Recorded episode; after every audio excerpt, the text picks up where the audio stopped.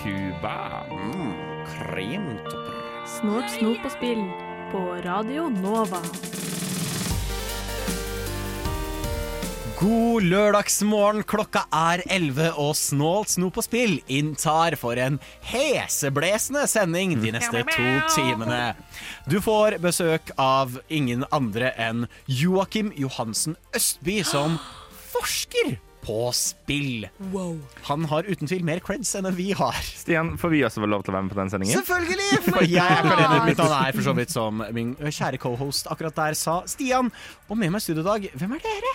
Eh, jeg tror jeg heter Sofia. Spennende. Uh, jeg heter ikke Sofia. Jeg heter ikke, Sander heter jeg. Sander Jeg måtte bare gå gjennom lista på hvem er egentlig dette. Å ja, okay. Og ikke bare får vi besøk, vi skal ha to hele anmeldelser. Oh my god!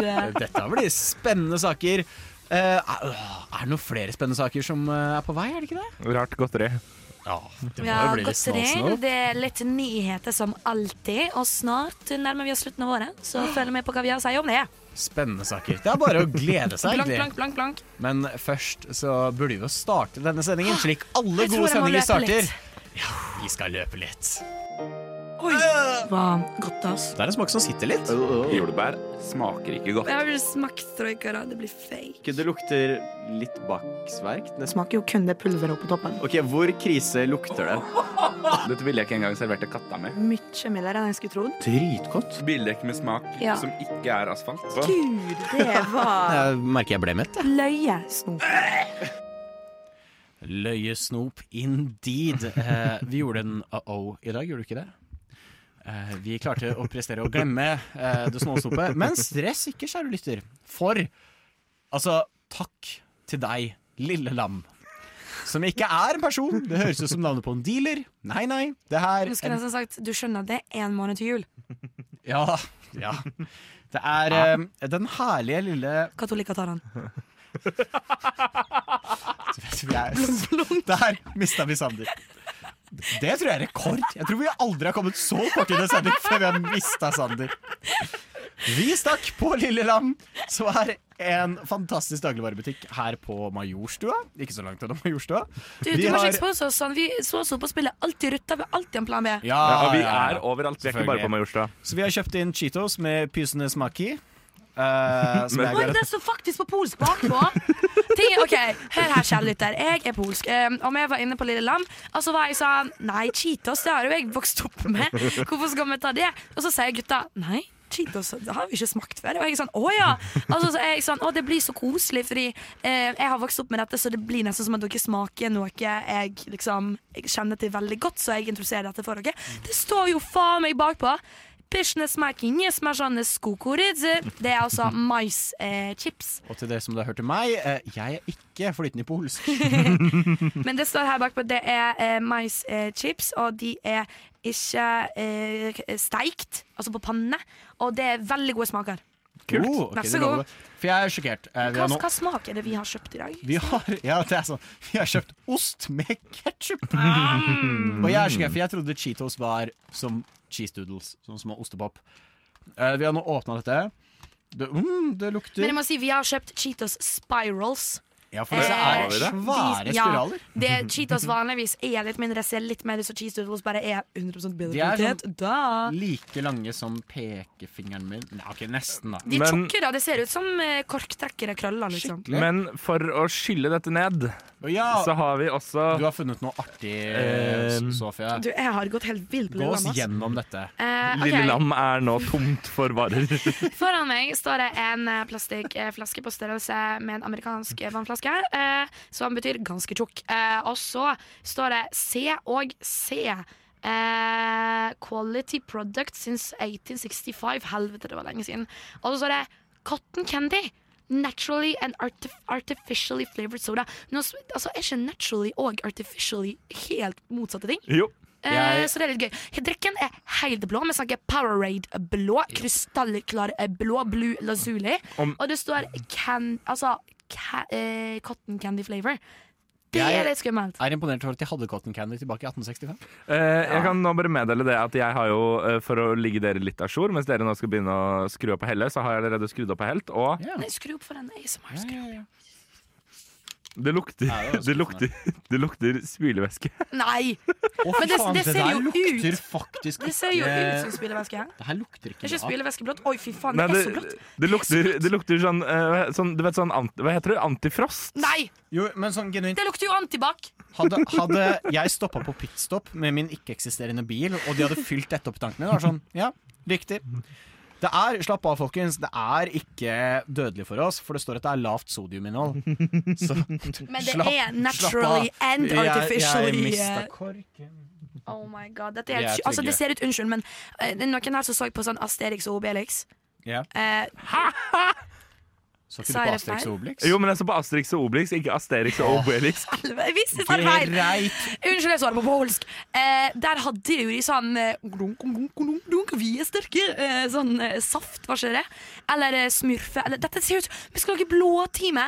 Eh, Nå må jeg si, er Dere må forstå hvor blått Ja, dette ja, ja. er. Ja, det, Men altså, jeg kan det jo da er spylevæskeblått. Det er det som er Det er altså munnskyllblått. Jeg er faktisk sjokk. Og det verste er at det lukter ikke Det burde lukte mer. Jeg Og- vet det er en rar setning, men det burde lukte mer. Og skulle dere liksom være usikre eller engstelige for at vi ikke får i oss vårt daglige inntak av sukker, så er altså en halv sånn her flaske har 184% daglig inntak av sukker. Å, fy faen.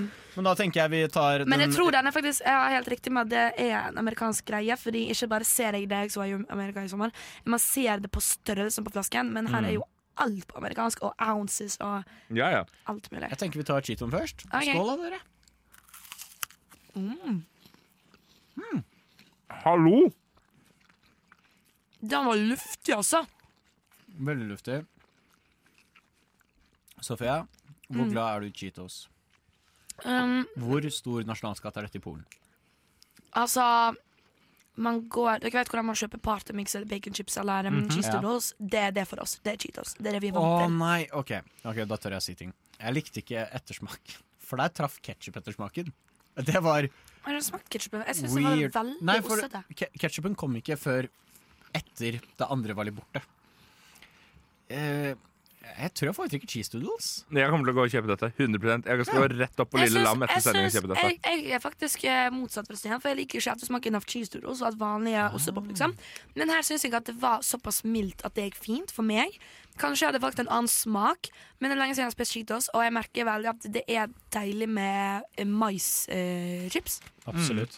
Og jeg, vi, noe som også er fint, er jo at, som vi har fortalt senere, er at vi er jo Norges mest laktoseintolerante radioredaksjon. Siden vi ikke kan Ja. lese om det er laktose i det eller ikke, ikke les på det, Sofie. Eh, så tenker jeg vi er trygge. Eh, men apropos trygge, la oss drikke litt eh, Spylevæske. spylevæske av dere. Skål.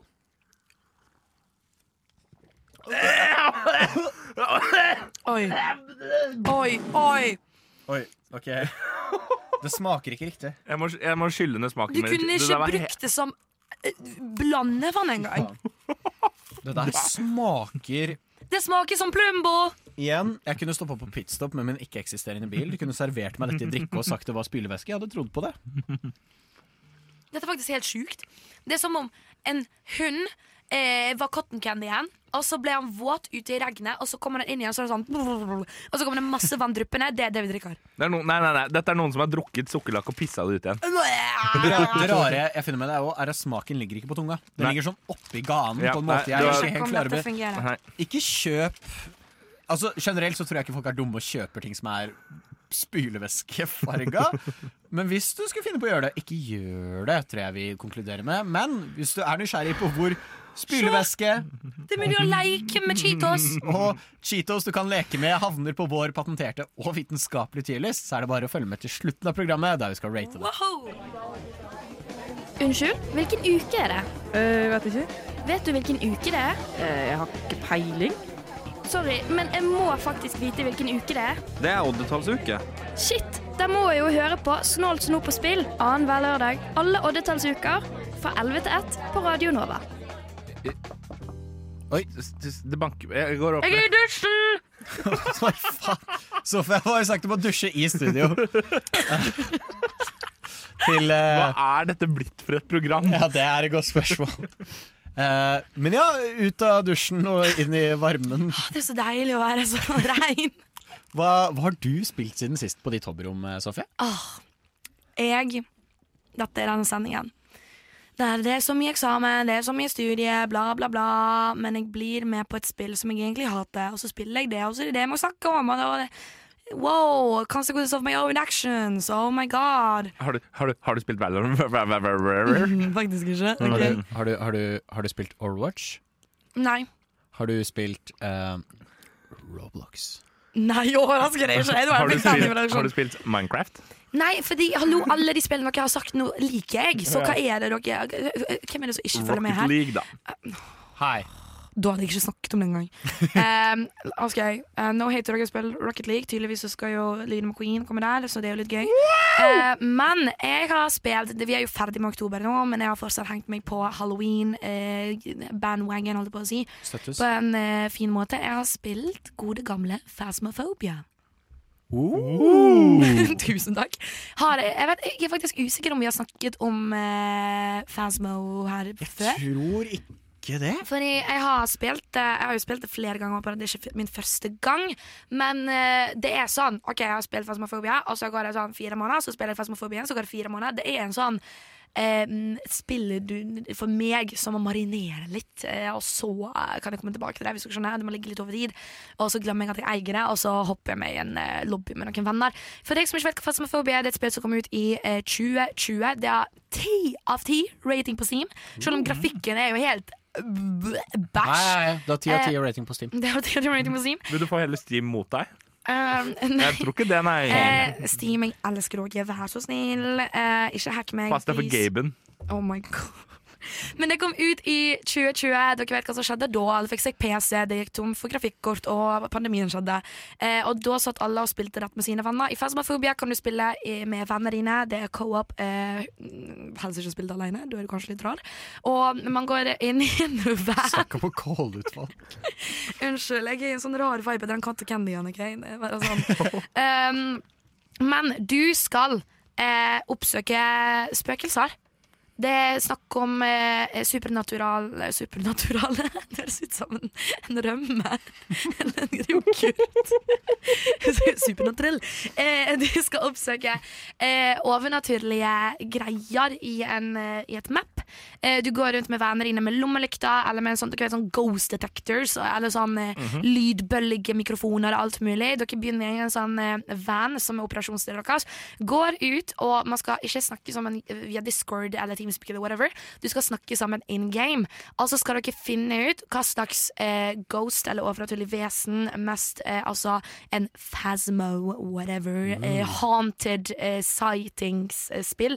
Du skal finne ut hva det var, om det var en banshee, om det var et eller annet annet spøkelse. Det er masse navn på de. De tar med seg mange sånne kategorier av overnaturlige vesener som håndte, haunter, som hjemsøker og eh, gjenferda.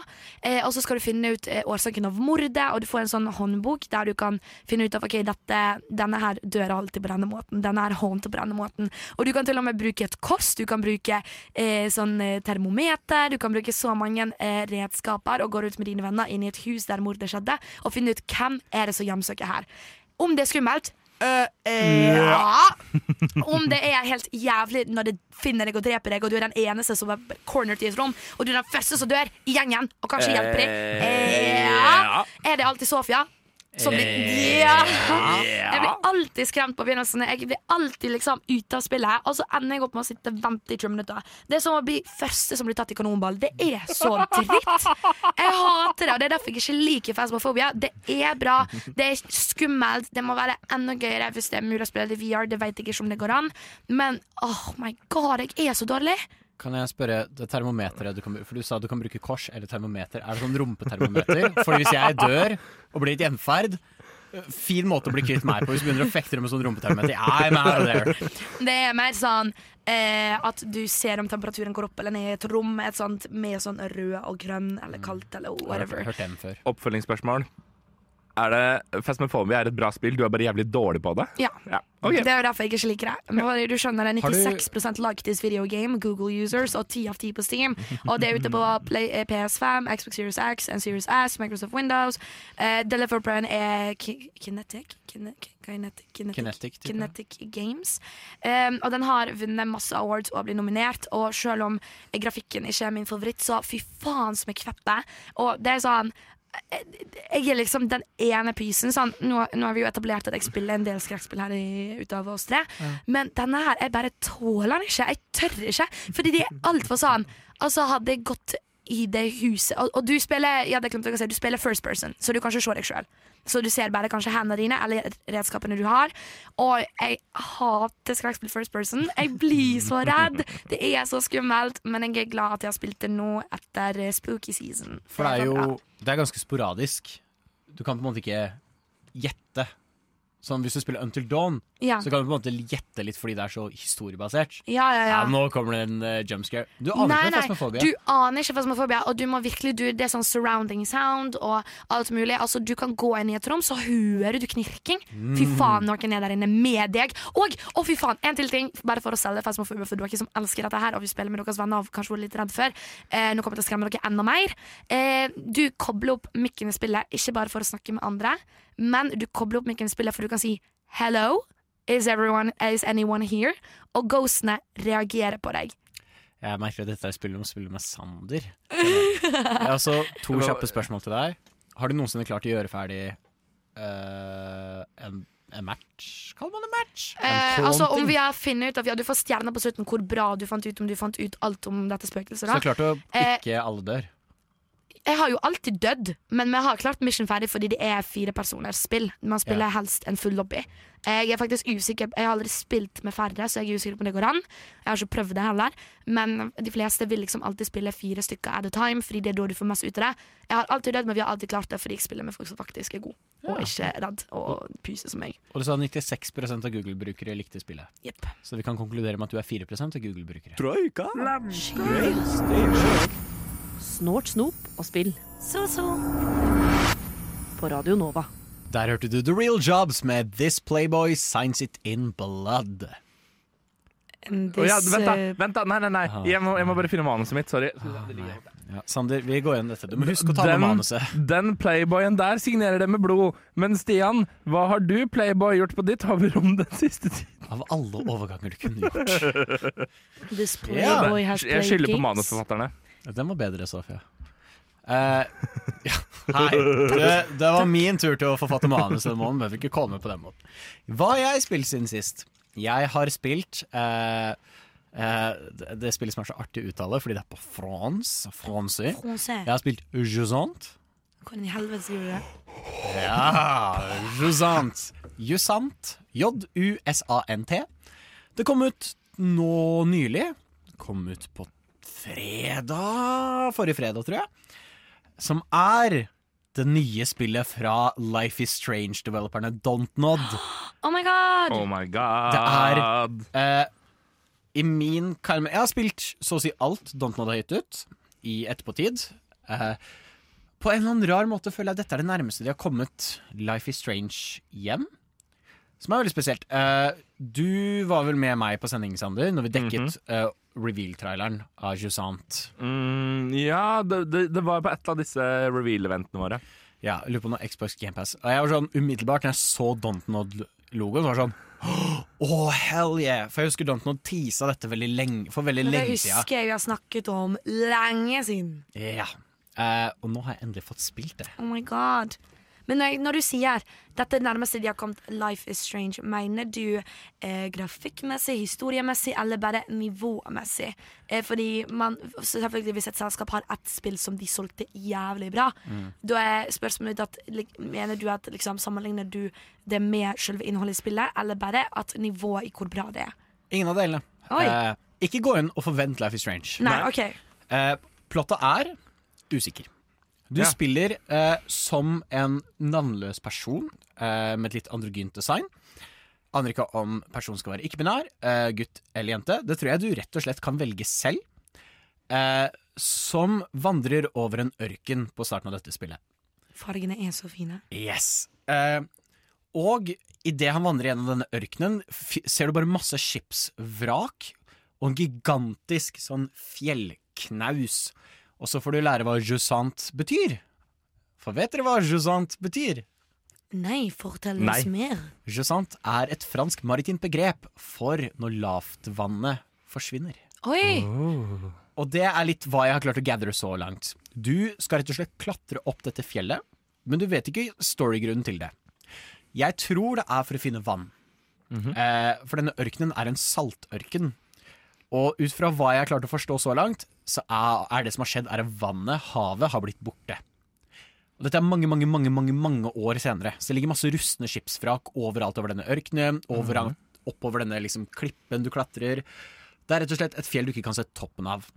Der på en måte Luffy Strange-bitene faller inn for meg, er nummer én artstilen.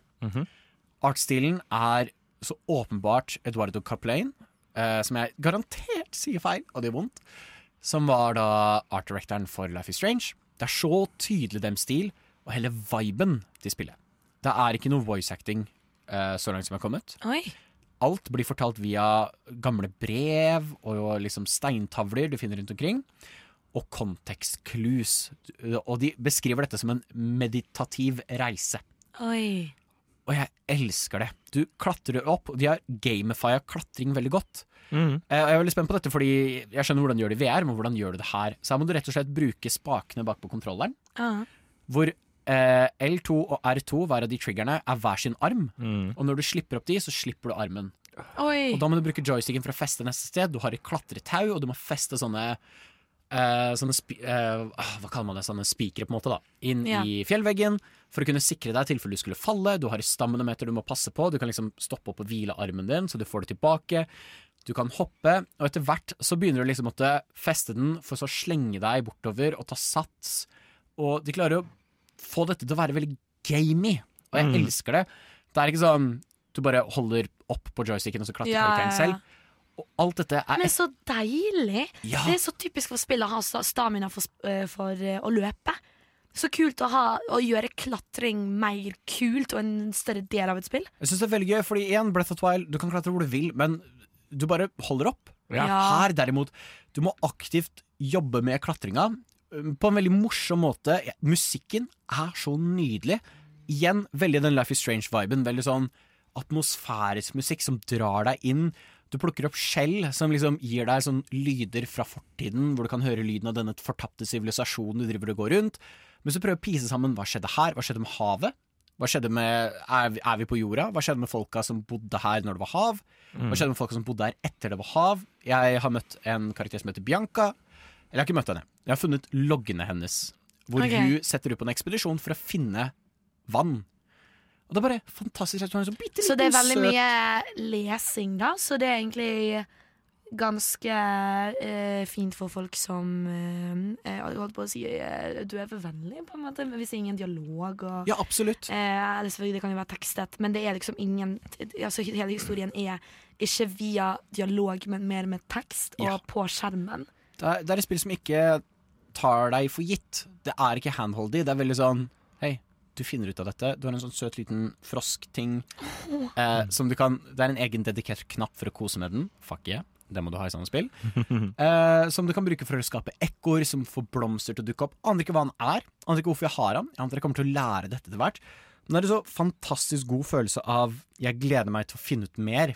Og jeg kinda elsker at spillet ikke gir meg all infoen, eh, og lar meg jobbe litt for det.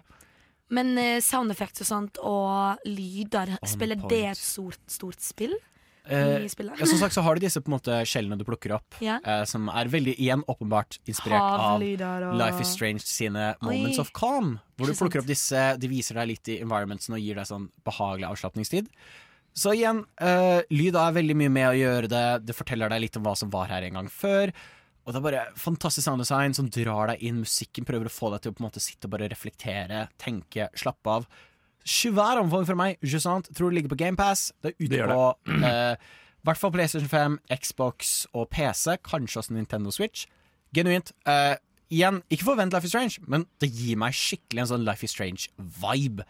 Uten tvil eh, de samme folka. Så ja, spill Jusant.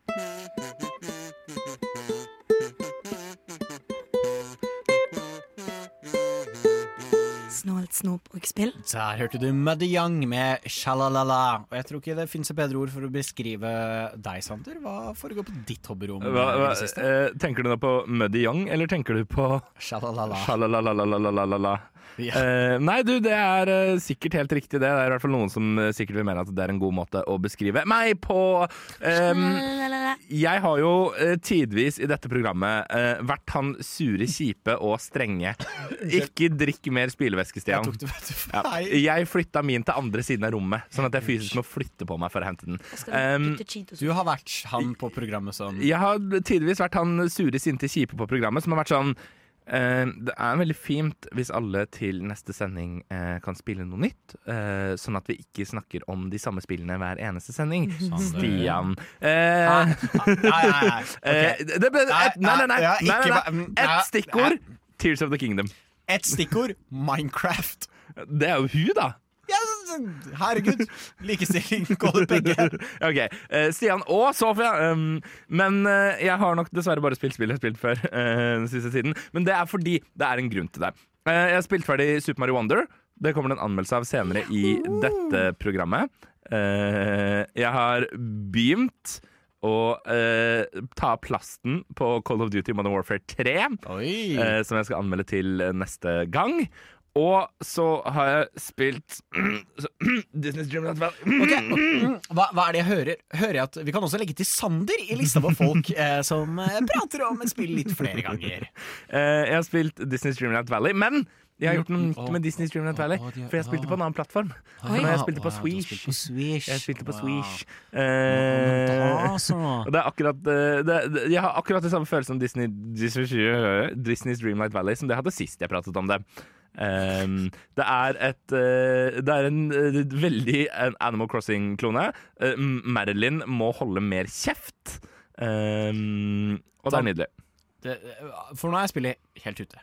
Nei.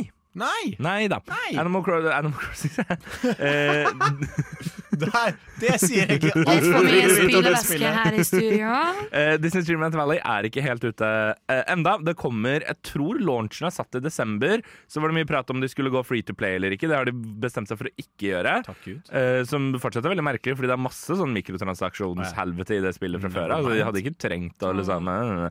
um, Men jeg har også spilt en annen ting jeg aldri har spilt før, og som jeg i hvert fall aldri har pratet om på dette programmet før.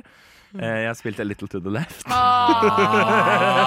Du har ikke lenger lov til å calle ut oss to igjen. Men Kjære lytter, jeg gleder deg til neste sending, hvor jeg har eh, spilt Horizon Forbidden West på PlayStation 4. Helt ny plattform. Men jeg har spilt uh, A Little to the Left på Switch. Uh, Ah. og passer seg ikke til Switch. Uh, eh, A Little to the Left eh, Hvorfor passer det ikke på Switch? eh, Fordi A Little to the Left er et point and click-spill. Eh, og jeg mener helt uronisk at for at et point and click-spill skal kunne føles noe som helst form for naturlig, så må du ha en faktisk mus Men- med muspekker. Har du sjekka at bruker For det er veldig mange point and click-spill på Switch som bruker touchpaden. Eh, du kan bruke touchpaden, men jeg vil ikke bruke touchpaden. Ja, for det, det er sånn jeg er òg. Så det er ikke et Switch-problem, det er et Sander-problem. Ja, Ja. 100 For Sander, du er som meg som er sånn Jeg vil ikke putte på fingeravtrykk på skjermen min. Riktig. Oh my god Men har ikke de Altså nå eier jeg ikke en Switch, men den fine, gode, gammeldagse Nintendo Pen Altså Nintendo Pen? Å ja, det det på det. Nei, dessverre følger ikke det med Switch. Men du kan kjøpe touchpen og ha det til Switch. Ja. Men for det, det bringer meg litt inn på det som på en måte er eh, hoveddelen av den bolken her, da. For jeg er jo en ny Switch-eier. Gratulerer. Eh, jeg har jo spilt Super Mario Wonder, som jo er et spill som jeg mener er 100% tilrettelagt for Switch. Altså sånn med liksom eh, joystick og eh, knappeknapper. Um, Det er begrepene for det. men ehm, jeg føler at veldig mange av de spillene eh, jeg har hatt lyst til å spille på eh, Jeg har hatt lyst til å spille, og da kanskje spesielt på Switch, for eksempel da Little to the Left. Hallo, jeg kan ikke tenke meg noe bedre enn å ta med det overalt. Eller Flåklypa-spillet også. Kan ikke tenke meg noe bedre enn å kunne ta med det overalt. Begge de to spillene er veldig sånn veldig avhengig av at du har en musepeker, og det funker ikke like bra på Switch. For en person som eh, kanskje sitter der ute og eh, har lyst til å prøve et fint og cozy spill, så er jo Sander den beste til å anbefale sånne. Mhm. Hadde du valgt for en helt ny spiller å spille Unpacking eller, eller A Little To The Left? Um, oi, vet du hva? Dette er et spørsmål vi kan synke litt inn i. Um, A Little To The Left er ekstremt sånn det, det, er, det er null sånn håndholding, bare fordi at du skjønner det. Det er, det, er liksom, det er i sin pureste form et pek og klikk-spill. Det er ingen spesielle ting du må tenke på når du spiller det. Um, og jeg, jeg syns nok personlig at A Little To The Left er hakket bedre enn det jeg syns Unpacking er. Unpacking er et utrolig bra spill, men det er jo mye mer, på en måte. Altså, Unpacking har jo faktisk en storyline som er Ja. fin og interessant, men hvis du på en måte bare skal ha et spill hvor du seriøst kan liksom høre på en lydbok og spille, 100 A Little To The Left. Det, det koster deg null energi, liksom, av hjernen din. Spennende. Mm. Så det blir- nesten som altså, ja, selvfølgelig puzzle game, men nesten som å sitte og pusle, på en måte. Ja, det, det er 100 Eh, Det er akkurat det det føles ut som, spesielt når du skal sitte og sortere ting inn i bokser. Og være sånn Alle knappene holder inn i den boksen der, ja. uh, if you can't tell, I fucking love a little to the left. Uh, nå har jeg syndet. Det er greit. Fra nå av så skal ingen få lov til å ta noen Nei, nei, på at man har spilt det samme nei. På at noen har spilt det samme ja, spillet flere ja. ganger på rad. Ja, er Mm. Mm. Nå er det free for all. Jeg har falt. Colossus det, Hva heter den filmen? Ah, Olympus has mm, fallen. ja. Uh, og anarkiet oppstår. Du hører på Snort, snop og spill på Radio Nova. Radio Nova. Hver lørdag og Annenhver lørdag. Annenhver lørdag på Radio Nova. Du hører på Snort, snop og spill. Det er én ting til jeg har spilt siden sist, da. Nei. Jo. Det er jo ikke lov. Spiderman! Godspeed, Spiderman. Det trodde ikke at dere hadde pranket meg, og at du egentlig ikke har spilt Spiderman i et sekund. Og det var en annen superhelt. Og hvis du lurte eh, hvor mye jeg og Stian har trent for å få det der til å sitte så synkront, det har vært en god del timer. Ja. Ja. Hvorfor var ikke andre stemmen der? Ja, det så jeg på åpninga. Hæ? Andre stemmen. Andres Godspeed, Spiderman. Yes, jeg tenker vi bare fyrer anmeldelse.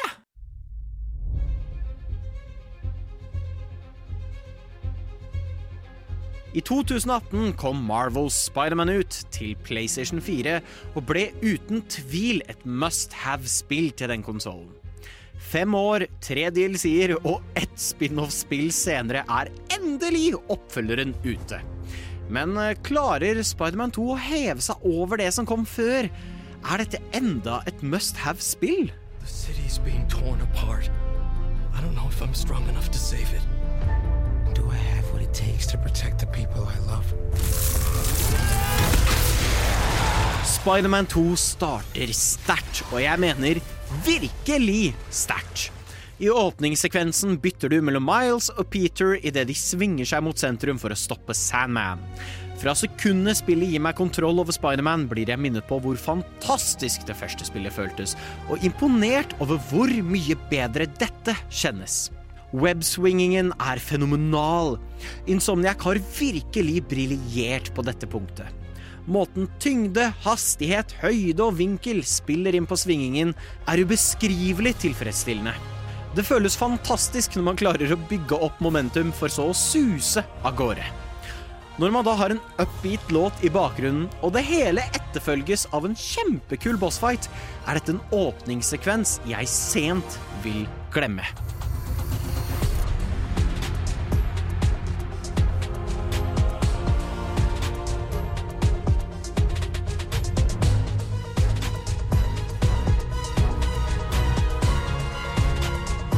Historien klarer å holde momentumet fra åpningen ekstremt godt.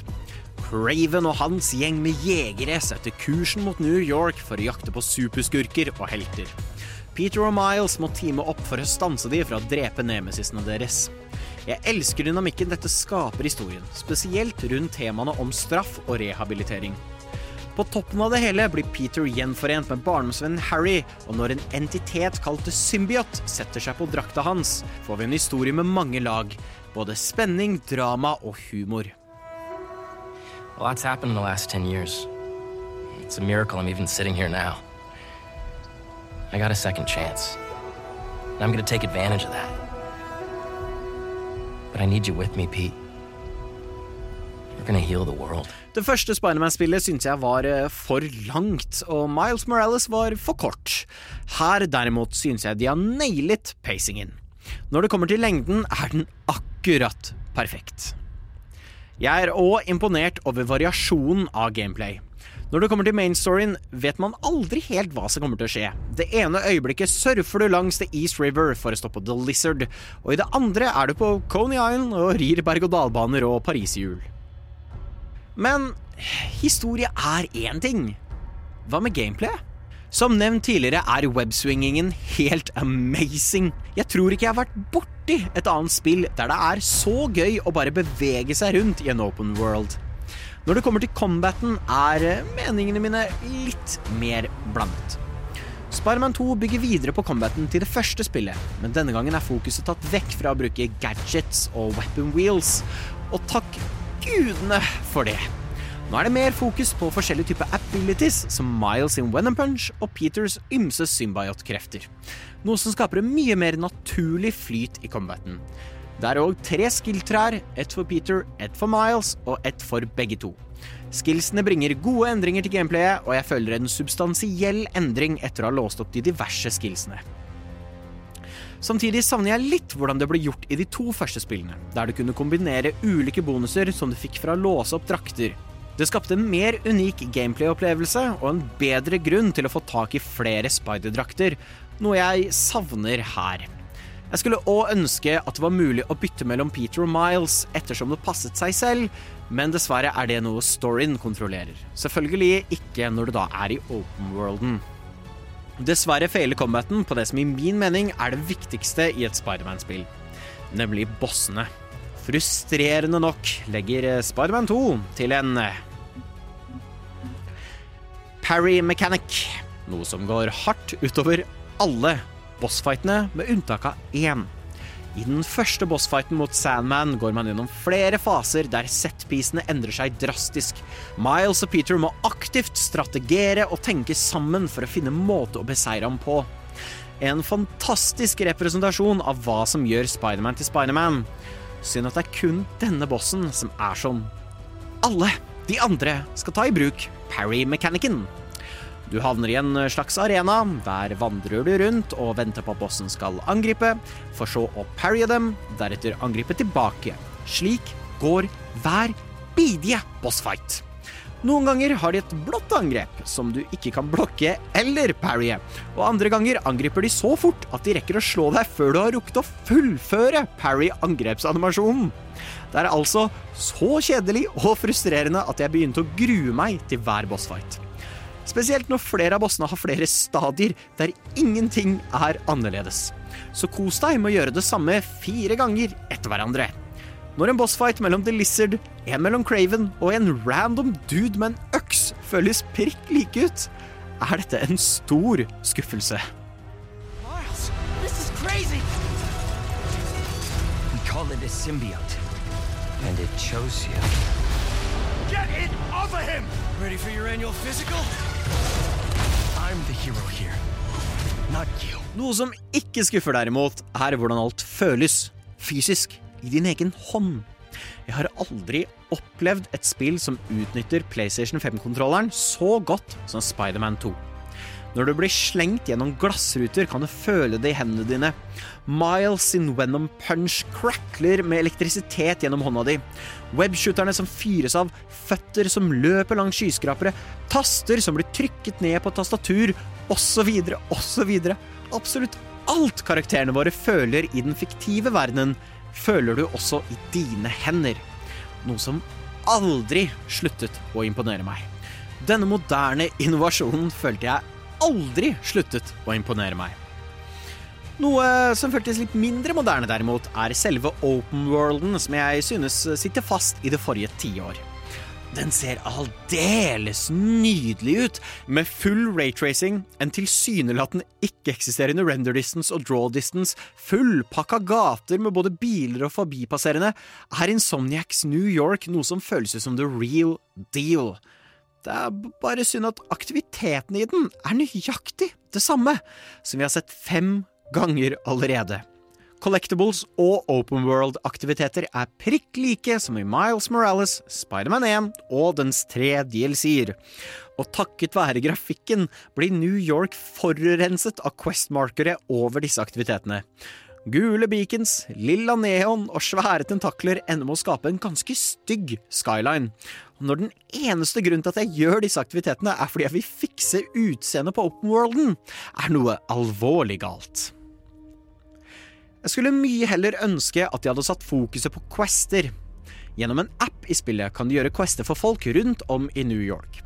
Disse questene var utrolig originale og hadde god variasjon når det kom til gameplay. To høydepunkter for meg var en hvor du skal hjelpe et museum og bli belønnet med et ekte virtuelt museum og musikk fra Harlem. Og et annet oppdrag der du spiller som en døv jente, der dualsensen og all lyd i spillet simulerer det å være døv. Det er bare synd at det er ekstremt få av dem. Her kunne de virkelig hatt ti flere quester. Spesielt når det er snakk om et spill til over 700 kroner.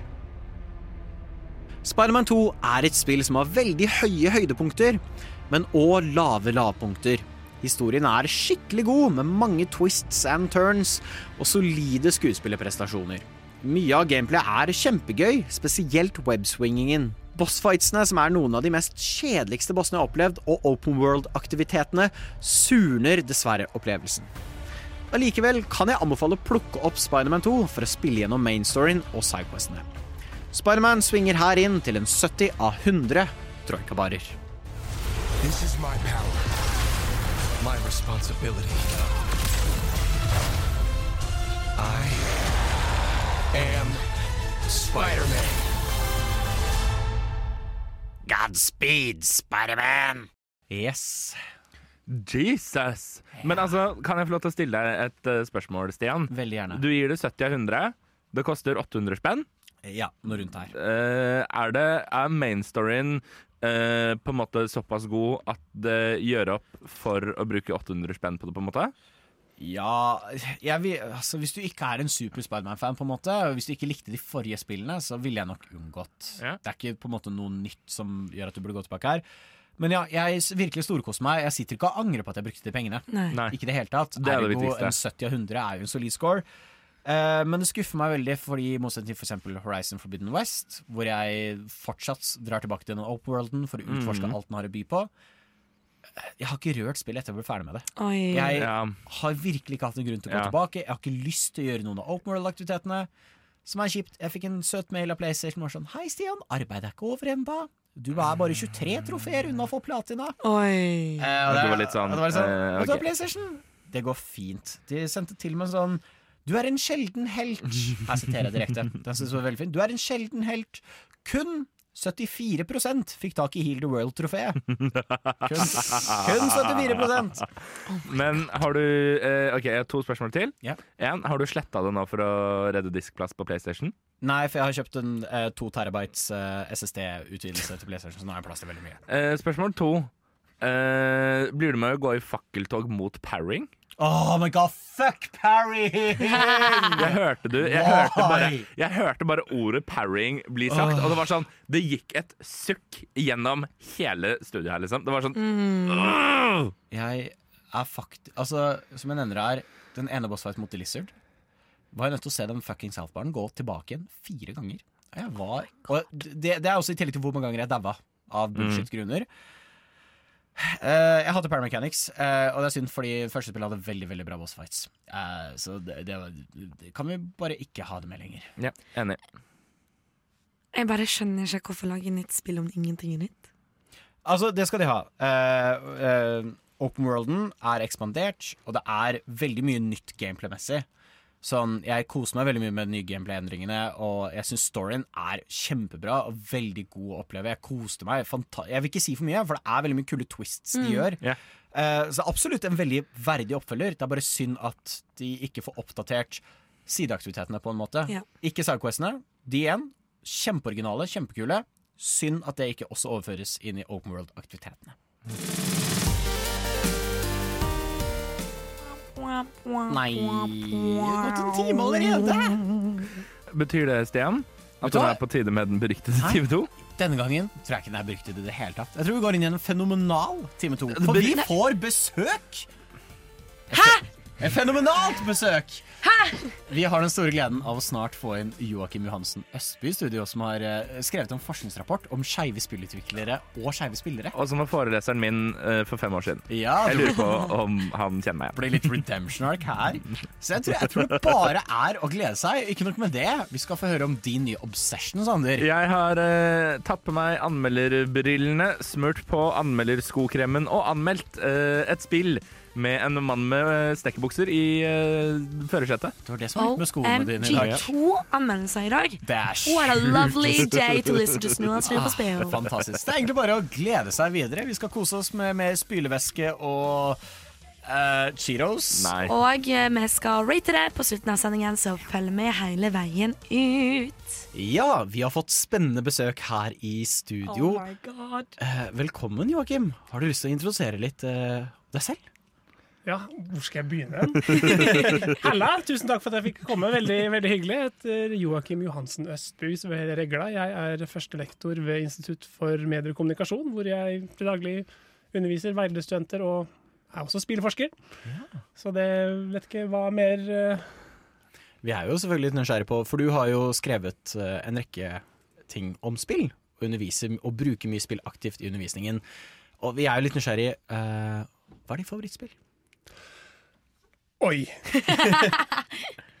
Favorittspill? Um, altså, varierer opp gjennom tidene. Det, selv Ocarina of Time er en sånn klisjé, men det er jo en av de spillene jeg husker som var veldig sånn, stort inntrykk på meg, og er på en måte som en sånn klassiker. Variert mye gjennom tida. Jeg hadde vært veldig glad i Final Fantasy 11 online da det var. Brukt veldig mye tid. Det er kanskje det spillet jeg har brukt mest tid på totalt sett. Det er ikke noe jeg ville brukt like mye tid på igjen som Final Fantasy 14 spiller jeg mye nå. Eh, Bra for en casual person som meg, som ikke gidder å investere så mye tid i online ting. Men eh, det varierer. Og Ocarina of Time er liksom kanskje den liksom største, mest definerende sånn spillopplevelsen som jeg har. Men det er ikke noe spill jeg spiller aktivt mye lenger, da. Så, eh, men ellers eh, veldig glad i alt mulig Final Fantasy, Nintendo Zelda, alt mulig Resident Evil. Det er ganske mye forskjellig Ja. eh, som, som jeg liker. Så favorittspill litt forskjellig, sånn historisk sett, men også ja, fram og tilbake. Kan du liksom huske det øyeblikket hvor du tenkte sånn Dette er jo så sinnssykt gøy. Det derre spillet som bare liksom åpna øynene dine totalt for den verden gaming har blitt? Eller er?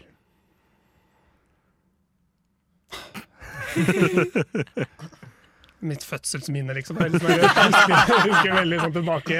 Jeg vet ikke, jeg, jeg, jeg føler liksom det er vanskelig å peke på sånne veldig sånn definerende øyeblikk. Jeg husker Vi fikk jo dataspill da jeg var sånn fire år gammel, ikke i barnehagen. Mm. ikke sant? Og fikk, eh, husker historie bestemor fortalte at uh, gjør meg klar til barnehagen når jeg skulle stå og spille, mens hun kledde på meg i stua mens jeg spilte Super Mario. Så jeg har jo den uh, hengende, hengende på meg. Um, men jeg har liksom hatt litt forskjellig. Jeg tror, En ting er jo Ocarina of Time som har nevnt, men jeg husker var veldig sånn, da du kommer ut i Hyrule Field første gang, så panorerer du liksom over landskapet. og Den gangen virka det skikkelig stort. Men det er bare sånn der, Kan jeg gå overalt der sjøl? Liksom, jeg kan bare løpe. Uh, senere spilte jeg jo ellers også Oblivion, og der blir den opplevelsen enda større igjen. da. Så jeg tror det er mye mye der, den der utforskningsgleden som spill har gitt. Men så er det også en del spill som også har vært gode på fortelling. At jeg har følt Jeg har vært glad i dyp fortelling, sånn at TV-serier heller enn film, f.eks. Jeg liker karakterer som man følger over lengre tid.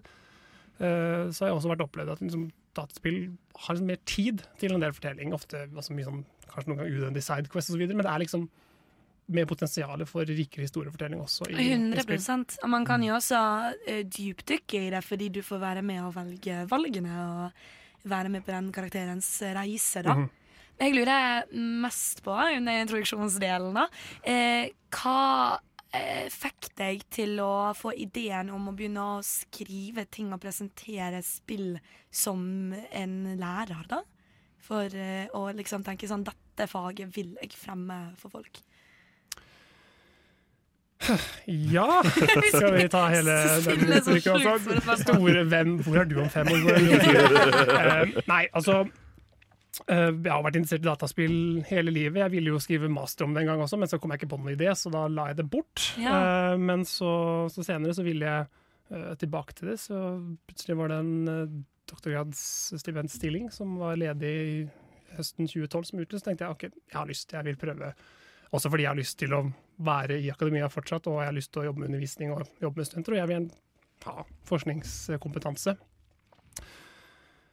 Så da søkte jeg, og tenkte da må man ha en prosjektidé. ikke sant? Og hva i all verden er det som er relevant å forske på? Men så tenkte jeg at men nå ser jo dataspill Det begynner jo å dukke opp litt mer skeive karakterer. Eh, Da tenkte jeg særlig på å ha spilt en del av Mass Effect og Dragon Age-spilla. Og det husker jeg jo også eh, en kamerat fortalte meg i 2009, da Dragon Age Origins kom. ikke sant? Han bare hadde spilt den, så bare Vet du hva, Joakim, herregud, du kan jo ha sex med en mann i spillet, liksom. Og, og jeg tenkte jo også den gangen til 2009, jeg tenkte sånn her, hæ, kan du ha det i spill? Og det er liksom veldig sånn rart å tenke på, da. Ja. At, eh, at det er såpass sent at man tenker at det fortsatt virker rart. Det føles litt kleint altså, hvis dere har spilt Origins Sevran. Kul karakter, men det er også litt sånn awkward, mye av de der dynamikkene som er, er i det spillet. Så det var jo, var jo der så begynte jeg å se det som at det er flere muligheter eh, for det der. Og tenkte jeg at dette var interessant, men så kom jo det punktet at men de gjør det jo også fordi du kan velge det.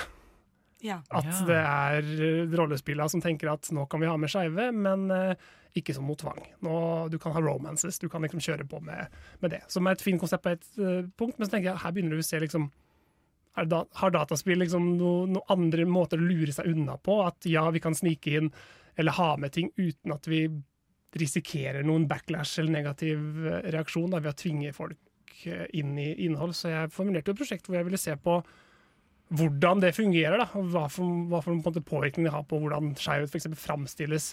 Så, så jeg skrev jo doktorgrad om framstillingen av homoseksualitet og kjønn i Mass Effect og Dragon Age, som jeg var ferdig med forsvarte i 2017. Som er en murstein av en avhandling.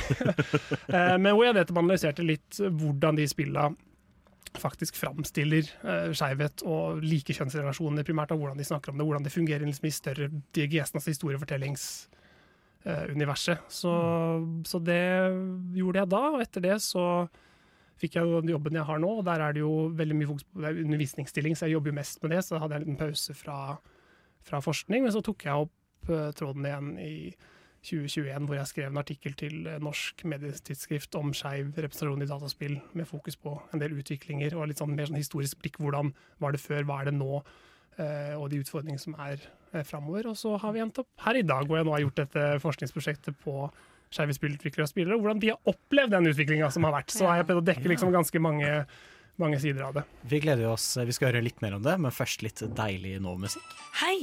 Er du på leit etter et nytt radioprogram å høre på som handler spesifikt om spill? Ja!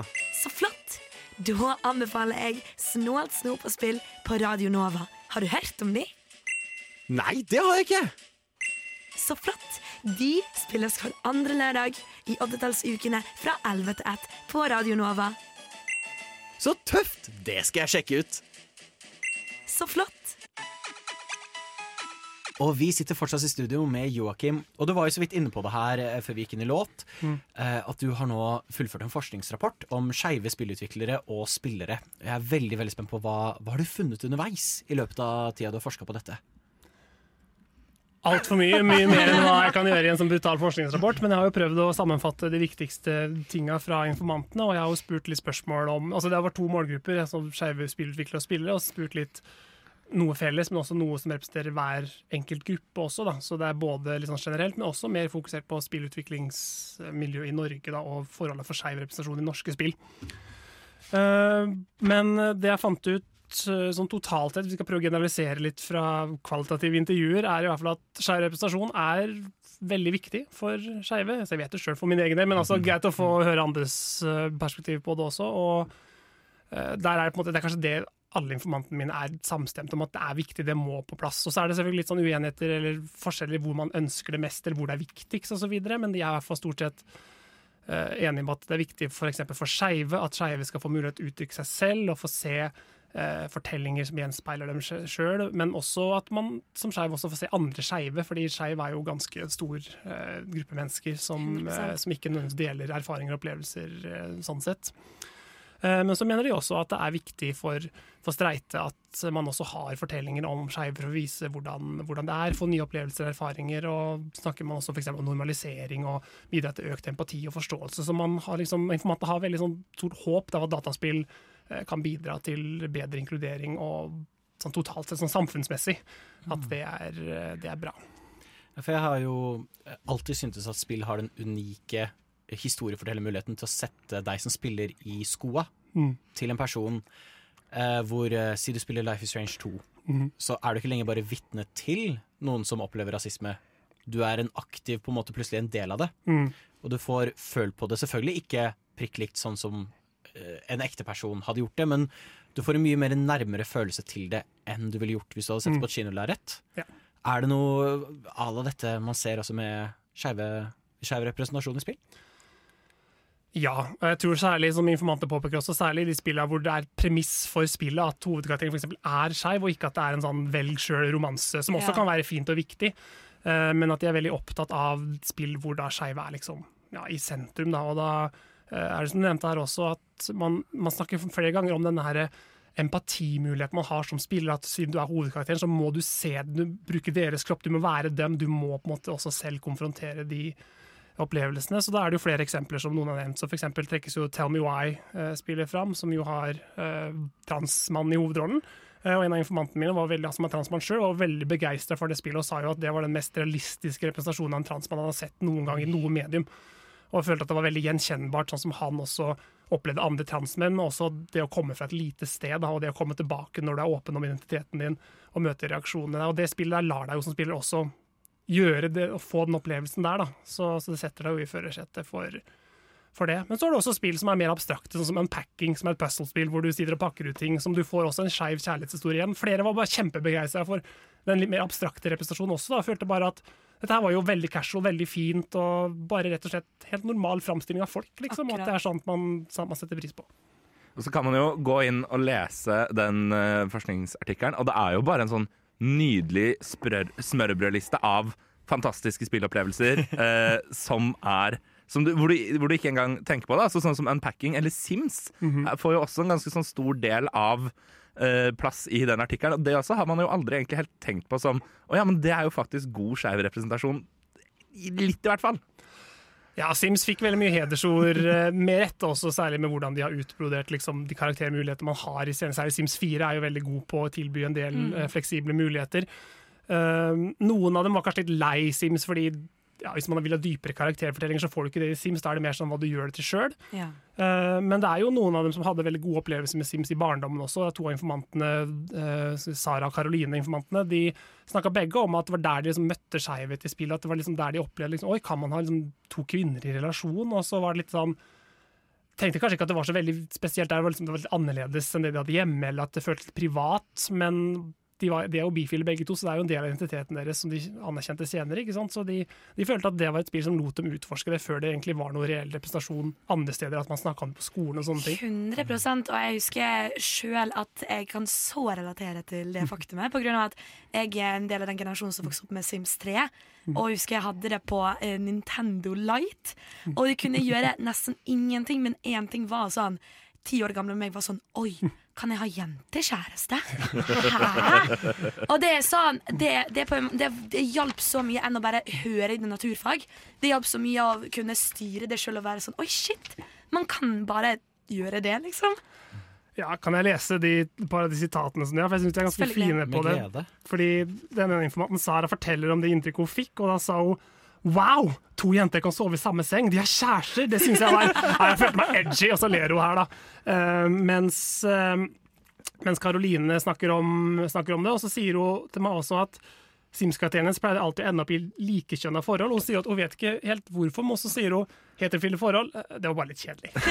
så, så, så det ligger jo mye der. Og dette er jo da de var liksom ikke på barneskolen, så, Ja. de, uh, så de har jo på en måte møtt liksom noen som representerer dem bedre, ikke sant? og Mhm. fått glede ut av det, og som senere da har liksom noe, noe de har utforska og funnet ut uh, videre. Da. Så, så det er en del sånne erfaringer. Men det jeg har også opplevd, er at for mange av disse her så er det ikke liksom barndomsspillene som har hatt veldig betydning, og det tror jeg også har sammenheng med at de har jo, informantene mine har jo vokst opp i den tida hvor ikke kjærlighetsnasjon var så veldig vanlig. Gjør man den studien gjennom noen år uh, med samme type informant, så vil man kanskje få andre svar, for da har man vokst opp med flere skeive spill. Men det er i hvert fall tydelig at de har betydning for dem nå i dag, selv om de er i midten av 20-åra eller mot 30-åra osv. At de trenger denne representasjonen selv om de er godt voksne eller på vei mot voksenlivet. Hvordan har du sett på det? For vi hører jo, jeg synes det er hvert år, så får vi en ny artikkel om at uh, denne gangen får vi se dette studiots uh, første skeive karakter, og så er det en av filmstudio, og så viser det sånn Ja, det var en kjapp scene som eh, fort kunne klippes vekk for alle andre land. Uh, den type på en måte sensuren, kall det det. Eh, finner vi den også i spillverden, eller er de mye mer avslappa når det gjelder å inkludere? Ja, hvis du kjører den der valgfritt innhold-varianten, hvor det er bare sånn NPCs som du kan interagere med som du vil eller ikke, så, så er det nok mer avslappa å ikke tenke på det. Har du hovedkarakterer som er skeive, så, sånn som Last of Us Part 2, så er det jo vanskeligere å gjøre noe eh, sånne billige grep, da, hvis man har lyst til å såkalt økonomisk motivert representasjon. Men det er et par informanter som, som nevnte det i forbindelse med Overwatch, hvor de var litt misfornøyde med hvordan de håndterte f.eks. karakteren Tracer og Soldier 76. hvordan de var, Deres skeivhet var liksom noe som kom fram i sånn tegneseriemateriale bak, som Ja. også noen tenkte at det er sånn de lett kan bare fjerne eller klippe vekk hvis du skal liksom sende det i utlandet. Du trenger ikke å forholde deg til i selve spillet. Nei. Uh, og hvordan er det innenfor norsk eh, For du har også sjekket norsk spillindustri. Hvordan uh, er det der? Ser det positivt ut? Uh, basert på hva spillutvikleren forteller meg? Nei. Eh, det er mye, det er, det er mye, det er mye lovord. Bransjen i seg selv opplever jeg som et ganske mangfoldig sted. Det virker som de på en måte har gode arbeidsmiljøer, og at, det eh, skeive er godt inkludert og velkomne osv. Men eh, norsk spillbransje er jo også mannsdominert, det vet vi. Eh, og at det er gjerne kanskje også de som har de liksom, viktigste stillingene og tar de største beslutningene også. Eh, og jeg opplever, som de forteller meg, at det er det er mye snakk om at ja, det vil vi ha med i spillene våre, og det skal, men så har det ikke det er sett lite, hånd, eller lite konkret på det. da. Og så spurte jeg jo dem også om de kan nevne noen norske spill som har skeiv representasjon, og så ingen kunne si noe konkret. Nei, det, det var litt sånn Red Thread har vel noe, Funcom har vel et eller annet, øh, men ikke noe Det, det har i hvert fall ikke gjort noe særlig inntrykk på spillutviklerne, det som, det som norske spill har, har gjort. Nei, såpass, ja. Vi skal høre mer om dette straks, etter litt eh, musikk. Så uansett, poenget mitt her er at du må spille Prey. Du vet, hørt 2017. om, Eh, kanskje verdens Spill beste Prey! spill. Nesten verdens beste spill i hvert fall. Spill Prey! Prey! Spill Pray folkens! Spill Prey. Uh, Prey er et fenomenalt bra spill. Prey er the shit. Det er, det, det er få uh, spillere som så min sterke anbefaling er å spille Prey. I mean, ingen av de slår Prey. jeg, kan, jeg har ikke nevnt det så ofte, men Prey er et jævlig godt spill. Spill Prey. Hva ga på deg? Hvorfor har du ikke spilt Prey? Snart show på spill. Vi snakker også om andre spill enn Prey. Spill Prey! Jeg er så sliten. Der hørte du F. Markiser med Let's Go. Eh, vi sitter fortsatt her med deg i studio, Joakim, og vi fikk høre at eh, ting er kanskje ikke helt sånn som det kan være eh, når det kommer til skeiv representasjon, blant annet også i norsk spillindustri. Eh, og jeg lurer på, hva er det vi, uh, som, som sauene der ute, som bare beiter i gress, uh, kjøper hvert bide Call of Duty og Fifa eller hva det nå enn heter som kommer ut, hva er det vi kan gjøre for å aktivt bidra til en mer positiv og mer inkluderende framtid for videospill? Som bruker du skal få lov til å kjøpe akkurat de spillene du har lyst til, så hvis du liker Call of Duty, skal du selvfølgelig få lov til det, men eh, det er klart eh, Det skal vi ikke, skal ikke få noe problem med det. Nei da. Forbruker kan vel kjøpe de spillene som, som har det å støtte utviklerne. Det er jo, En ting er storspill som jo har god backing og store selskaper osv. Som, eh, som folk kjøper spillere til og selger kanskje i milliontall, så er det jo også ganske mange uavhengige spillutviklere som lanserer mange forskjellige typer spill. og Innenfor indie så er jo skeiv spillutvikling ganske, ganske utbredt og ganske mye mer eksperimentelt og mye mer eh, si, skeiv-fokusert òg, da. Så, så det å også ta en runde på Steam og støtte f.eks. skeive utviklere og deres spill der, vil også sikkert være noe som sender godt signal også tilbake til spillbransjen om at dette her er innhold som folk eh, vil ha da, og har lyst til å også betale for. Sånn Så sett. om man på en måte skal sitte hjemme nå her, eh, om det er så skeiv eller hetero, så er det dypt tåa litt inn i noe du er ukjent med. Ta en sjanse, prøv noe, sett deg inn i en annen situasjon. Ja, rett og slett. Og det er jo det dataspill ofte lar oss gjøre også, men ikke Mm. nødvendigvis med så veldig forskjellige karakterer. Eh, men dataspill forteller om alt mulig, hvorfor ikke da skeivhet også, ikke sant? Eh, så, så det handler om det også der, Man blir ikke homo av å spille en homofil karakter. Det er liksom noen som har litt sånn, sånn sånn Det var jo dette her nå med, med f.eks. Starfield, uh, Betesta, og her kan man velge pronomen, og så sitter man og voksne menn og griner på nett for at 'herregud, jeg blir møtt med dette her'. Det er sånn, Du blir ikke ikke-binær hvis du altså, møter altså, det, Noen tror jeg kanskje burde ta litt ekstra runder med seg selv, men det er uh, Jeg tror man altså Ja, hva skal jeg si? Men ja, nei, Det er interessant å se voksne menn grine over at de blir kalt Day i Pokémon, f.eks. Det er jo interessant. Finn, finn noe annet å være oppgitt over, kanskje. Ja, nei, men eh, så, Noen sånne vil vel kanskje alltid, alltid være. Men, mm. men se på det som en mulighet for å lære mer om andre ting. Det er jo ofte derfor vi vil se fortellinger, se filmer. Altså, vi har ikke lyst til å se, sitte og se på oss sjøl hele tida. Vi vil jo gjerne finne ut hvordan andre har det, og da kan også en sånn ting som skeivhet være nyttig for å få finne ut hvordan andre mennesker har det. Og det er jo også det informantene mine har snakka mye om, at de vil ha mer nyanserte fortellinger. De vil gjerne vise, se flere skeive opplevelser, ikke bare den der komme ut av skapet eller samfunnsproblemer knytta til å være skeiv, fordi det finnes det nok av. Så de vil jo gjerne også at spill kan kunne vise mer av hvordan er det å være skeiv, da. Og det må Ja. ikke alltid være tema i en fortelling heller. Du har jo også eh, skrevet inn at uh, på nett uh, kan tilstanden være hakket bedre. eh, med online interaksjoner osv. Eh, hvordan kan man bidra for å prøve å gjøre dette et mer trygt område? Vel, på nett så har jeg i hvert fall inntrykk av at det ikke er nødvendigvis så trygt. Da spørs hvor på nett du er. Eh, informanten min, i hvert fall på nett så er de veldig opptatt av selv å gå på de nettsidene hvor de vet det er eh, godt miljø, og at man kan være seg sjøl åpen, sånn sett. Eh, men i online-spilling så er klimaet ofte tøffere, og særlig hvis du er 100%. åpent skeiv der, så er det spørsmål om are you gay, eller du får hetsende kommentarer, are you a man or a woman? Det er fordi du har kommentarer som er på en måte brysomt eller problematisk, da. Eh, men eh, hva man kan gjøre sjøl, det er jo selvfølgelig ikke si stygge ting til hverandre, og ikke eh, En ting er konkurranseinstinkter og settings og hvordan man blir der, men det, det kan man gjøres det uten at man skal gå på folks identitetskarakteristikker og uttrykk osv. Det, det hører ikke hjemme. Det, folk vil spille sammen. Det er ikke sånn at skeive ønsker å sitte på en egen server alene og ikke spille. De vil jo gjerne spille med andre, men ofte føler at de ikke kanskje kan gjøre det, da, fordi da må du også risikere en helt sånn ja, si, hets som ikke trengs å, å være der, som ikke har noe med spill å gjøre, f.eks. 100% Og jeg syns også at um, det som ble nevnt tidligere med Overwatch, og hvordan eh, de har Mm. uh, inkludert den skeive delen i noe som bare kan bli lett bli tatt bort eller sensurert sensurert i andre land. Um, jeg elsker hvis spill faktisk tør å oppfordre folk til å bare tåle ting. Mm. Og bare knipe øynene sammen hvis det er så jævlig vanskelig for deg å forstå at uh, noen kan være skeiv. Eh, Men jeg, for eksempel Valorant, da, som en annen FPS, uh, det jeg syns er veldig fint, selv om jeg, står jo ikke Jeg skjønner jo ikke de som kan bruke det ironisk, da, men de, man kan ha en eh, banner med mm. et eh, prideflagg. Og det synes jeg er så fint å se. Mhm. At det er et veldig lite tiltak, men det, det viser at det går an. Og selvfølgelig, man skulle hatt enda mer, men det viser at man kan 100% legge ting inn i design, i farger.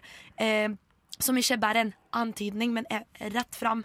Og det gjør jo at det åpner enda mer opp. Sammen med Twitch har jo Mm. en emneknagg der du kan eh, adde at du er LGBTQ pluss eh, en del av det. Du kan også nå heldigvis eh, legge inn dine pronomen. Og jeg merker virkelig at de communityene som er der, er så herlig å komme inn i Mm. og bli en del av. Men spørsmålet er jo hvordan finner vi de, og hvordan eh, finner vi de trygt? Og der, eh, det er jo sånn du nevner her, og eh, som informantene dine nevner, at det er jo en utfordring, og man Mhm. har fortsatt en lang vei å gå. Ja, Twitch så har man jo heldigvis at man kan søke på emneknagger og finne Ja. de skaperne som har eh, community rundt f.eks. skeivhet eller den slags. Så der kan man, men online så er det vel kanskje litt vanskelig. Da må du vel finne visse guilds, grupper osv. som, uh, som kunngjør seg selv for å ha dette her, da. Um, men som du sier også, mange av de store skytespillene som, som Valorant og Fortnite og de, her, de har jo også gjort tydelige grep på å ha mangfold. Det er liksom et premiss at det er liksom det skal vi ha nå, og Ja. at karakterene også kommer i variasjoner av f.eks. hudfarger og legninger og alt mulig rart, ikke sant, som jo på en måte kan sies på som liksom bakgrunns... Men som kan være viktig for spillerne da, i måter de finner hverandre på og uttrykker seg sjøl gjennom det. Og sender kanskje også forhåpentligvis et tydelig signal til spillet at dette skal vi ha her, dette, dette må dere bare ja, eh, finne dere i. Ja. Så hot tips til alle som sitter der ute. Eh, ta en aktiv del i online interaksjoner. Opplever du noe kanskje blokker. Bruk aktivt rapporteringsmetoder i spill. Ja, Si ifra og ikke ta den der, ikke ta, seg, ta deg så nær av det. Du, ikke, den bør man ikke bruke. Fordi hvis man uh, sier det fra et litt mer privilegert ståsted, så oppleves ikke det nødvendigvis veldig, veldig trøstende. Så, så støtt, eh, støtt hverandre i så fall, hvis det møter sånt. Hva heter den rosa spillfiguren som kan suge til seg ulike objekter, og som befinner seg i Nintendo-universet? Hva faen kan det være? Nei, å, jeg har det på tungen. Jeg har det på tungen. Jeg lover. Nintendo. Eh, Suge? Er det lov i Nintendo? Ja, jeg vet ikke. Faen? Åh, ingen idé, vi kommer til å tape. har ikke du sånn Switch?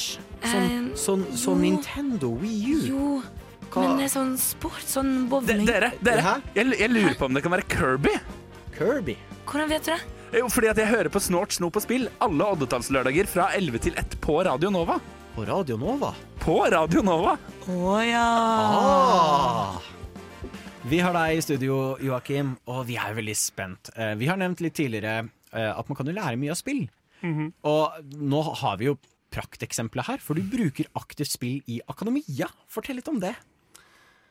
Ja, jeg er jo ikke bare spillforsker. Jeg underviser jo også i spill. Jeg underviser jo mye rart, men jeg har jo, det er jo kompetansefeltet mitt også, så jeg vil jo gjerne også undervise i det. Så det har jeg diverse innslag i, i noe av de mer felles generiske emnene som digital kultur osv. Men jeg har jo også to egne emner om dataspill på UiO, som, som gis til både bachelor- og masterstudenter. Så vi har et emne som heter Video Games Aesthetics Industry and Culture, som går på høstsemesteret som bachelorstudenter kan ta. Og så har jeg et som heter Game Studies, som går på våren, som er for masterstudenter som har ulik eh, profil av hva vi, hva vi gjør, så de er dedikert til det. Og da jobber vi med en del ulike temaer knytta til f.eks. spillindustrien, spillhistorie, spillforskning, spillestetikk. Eh, og også som en del av det så har vi jo mye praktisk også spilling i undervisninga også, da, for å eh, både teste ut selvfølgelig, så man må se film, så må man også spille spill, ikke sant, og, og bruke det som eksempel. Og da får studentene bryne seg på eh, spill og spille for hverandre, og så diskuterer vi og analyserer eh, det som er aktuelt for for opplevelsen. Da. Vi har f.eks. hatt det gamle Game Dev Story-spillet som eksempel, for å se hvordan er det faktisk framstiller spillutvikling med hva vi har snakka om, og hvordan det egentlig er. Mm. og så har vi f.eks. også analysert eh, Stray, for å snakke om oh, eh. Snakke om hvordan det spillet bygger opp en fortelling, og hvordan man faktisk setter seg inn i katt som hovedperson. Ja. og hva, faktisk, hva er det som faktisk fortelles, og hva er det dens motivasjon og karakter er. ikke sant? Og hvordan, eh, ja, hva, hva, hva slags muligheter man får med en sånn type fortelling gjennom, gjennom dataspill. Da. Så, så det er en av eksemplene. Hvordan føler du det funker? Engasjerer det studentene? Ja, det er vel, et, det er vel de emnene jeg har fått liksom mest positiv sånn, gjennomgående kritikk av. Fordi det er jo et emne som folk velger fordi de er interessert i det. Så du får jo bare de dataspillinteresserte på det emnet. Eh, og de er jo veldig glad også for at det er et emne som faktisk har det som, uh, som fordypningspunkt. Da. At man faktisk kan ha et helt semester hvor et emne kun handler om uh, dataspill. Så de er kjempefornøyde. De ber jo bare om mer undervisning, eller de vil ha mer spilling, enda mer spilleeksempler. Jeg tenker noen ganger at det tar litt for mye tid, for det tar litt tid å sette opp og få folk til å spille. ikke sant? Så jeg tenker kanskje litt mindre, men nei, nei, mer, mer om det. Så, så jeg skulle ønske jeg hadde enda mer, mer tid til det. Men jeg opplever det som, som veldig gøy, og så er det godt å ha et sted hvor hvor man måtte ha en del til felles også referanserammer osv. At man faktisk kan eh, snakke om gaming mer på et spesialisert plan. Derfor ofte i annen undervisning så må man kanskje ta litt mer generell innføring, fordi da er det ikke alle studenter som f.eks. spiller eller har noe kunnskap om det. Så da må man ha en annen eh, tilnærming. Jeg har jo eh, av oss tre vært såpass privilegert at jeg har jo hatt eh, undervisning med uh, Joakim. Og da husker jeg at du kjørte opp Nei, Jeg husker ikke farta hva slags spill det var, men du kjørte opp i liksom fellesundervisning for alle, ikke bare de som hadde valgt noe sånn spesielt gaming. Kjørte opp og spilte på eh, på storskjermen i uh, Sofus -hmm. Hvordan føler du liksom responsen er når du på en måte også tar gaming ut til, til alle, og ikke bare de som velger disse spesifis- eh, spesielle emnene? Jeg syns det er veldig gøy. Eh, sikkert for en del så blir det litt sånn annerledes, men man viser jo filmklipp og eksempler, så da skal man selvfølgelig også ikke bare vise spilleksempler, men la dem få teste ut. For det er jo en interaktiv plattform, så man må jo også 100%. føle hvordan det er å konfigurere og se at eh, her er det ikke alltid garantert at man får det til. At eh, vi fikk, Jeg vet ikke om du var der gangen, men hvor jeg lot emneansvarlig det emnet eksempel prøve, og han døde jo i Super Mario World. Han kom seg ikke videre. Og alle og sånt der, ja, ja. Jeg syns egentlig også det er en fin måte å bare senke nivået og terskelen litt også, at man faktisk kan slappe av spillet. Og det er liksom ikke noe prestasjon rundt. Du skal ikke være flink, men man skal bare teste ut og prøve seg fram. Så det opplever jeg går, går fint. Det er alltid noen som eh, prøver seg å være tøffe på, på det, så jeg syns det er veldig gøy. Skulle gjerne gjort mer, men eh, kan ikke bare spille av det gøy heller, vi må jo diskutere og drøfte og analysere også. Men, eh, men jeg syns det er veldig, veldig gøy. Og nå har jeg jo endelig fått en PlayStation 5 også, så jeg kan bruke så nå, er det nå er det next gen gaming for, for studentene. Så, det, ja. så nei, men jeg opplever det som, som veldig gøy, og det skal jeg fortsette med. Hvor ofte sniker du deg inn bare for å spille på PlayStation 5? Altså, den står på kontoret mitt. Og jeg har gaming-PC med Steam, så nei da. Jeg er jo spillforsker, tross alt. Så nei, det meste jeg gjør med den der, er jo faktisk at jeg må sette opp til undervisning. At jeg må passe på at jeg er installert og oppdatert og sånne ting. Så å sette opp f.eks. karakterer og Ofte så må du jo hoppe forbi en del introting sånn for å komme til, så, så noen ganger så må man jo ja, og det var veldig kjipt jeg skulle sette opp Elden Ring for, for folk. Uh, for jeg har jo, jeg runda det sjøl, men det er en stund siden jeg spilte det. Så jeg holdt på å dø i tutorial når jeg skulle sette det opp. Det var heldigvis godt at jeg satt alene og spilte ikke studentene mine, så at jeg så vidt kom meg gjennom første boss-delen av tutorial. For den er jo egentlig ikke veldig, men da hadde jeg glemt alt av eh, av skills. Eh, Men så sendte jeg dem ut i Mary Limgrave etterpå. Og så vær så god, kjør rundt og se hva dere får til, og så snakker vi om det etterpå. Eh, På vegne av han som døde veldig veldig, veldig mange ganger i den der eh, introdelen i Elden Ring. Det går greit. Det går greit. Det er helt lov å dø veldig veldig, veldig mange ganger. i Jeg vet, men jeg har unna. Jeg har litt høyere krav. jeg burde liksom bedre. Men nei da. Men ja, men det, men det er jo poenget med spillet også, så vi har jo også snakka om hvordan denne døds- og reinkarnasjonsmekanikken også er en del av fortellinga. Så vi har funnet noe fornuftig ut av at hvis en student dør veldig mye, så kan vi også begrunne det faglig. Stilig. Jeg husker jo veldig godt tilbake til sånn 2012, hvor jeg leste en sånn artikkel om at i USA så brukte de Skyrim, av alle ting, for å lære om norsk eh, liksom, historie. Eh, av en eller annen grunn. Men dette har jo nå utvikla seg. Nå har vi Minecraft Education. Ja. Assassin's Creed har jo begynt å ha virtuelle museumsturer, hvor du lærer hvordan Odyssey hadde dette Eller hva, Odyssey Origins hadde det i hvert fall, Ja. med da oldtidens Egypt.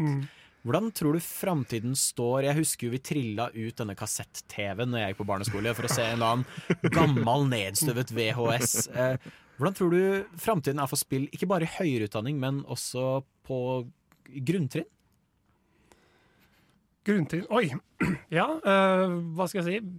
Jeg kjenner jo ikke så mye til hva de gjør i altså grunnskolen eller videregående skole, hva slags undervisning man gjør. Jeg vet jo at det er mye fokus på f.eks. Ja, historie, kultur eller etikkundervisning osv. Og, uh, og det tror jeg bare vil fortsette. Og særlig nå som lærergenerasjonen blir yngre og yngre, så, så vil jo flere sannsynligvis også ta i bruk eh, dataspill. Da jeg vokste opp, så var det ingen lærere som eh, som hadde kjent noen da. Så vi snakka ikke om det på skolen. ikke Nei. sant? Så, så det, det er jo ganske annerledes eh, nå. Så, så det både tror jeg og håper blir viktigere og viktigere i, i skolen også.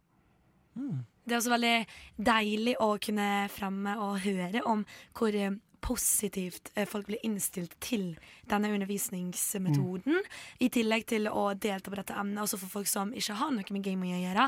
Jeg eh, sjøl har en roomie som eh, studerer manus, og hadde et sånt tverrfaglig prosjekt med folk som studerer, som studerer spilldesign.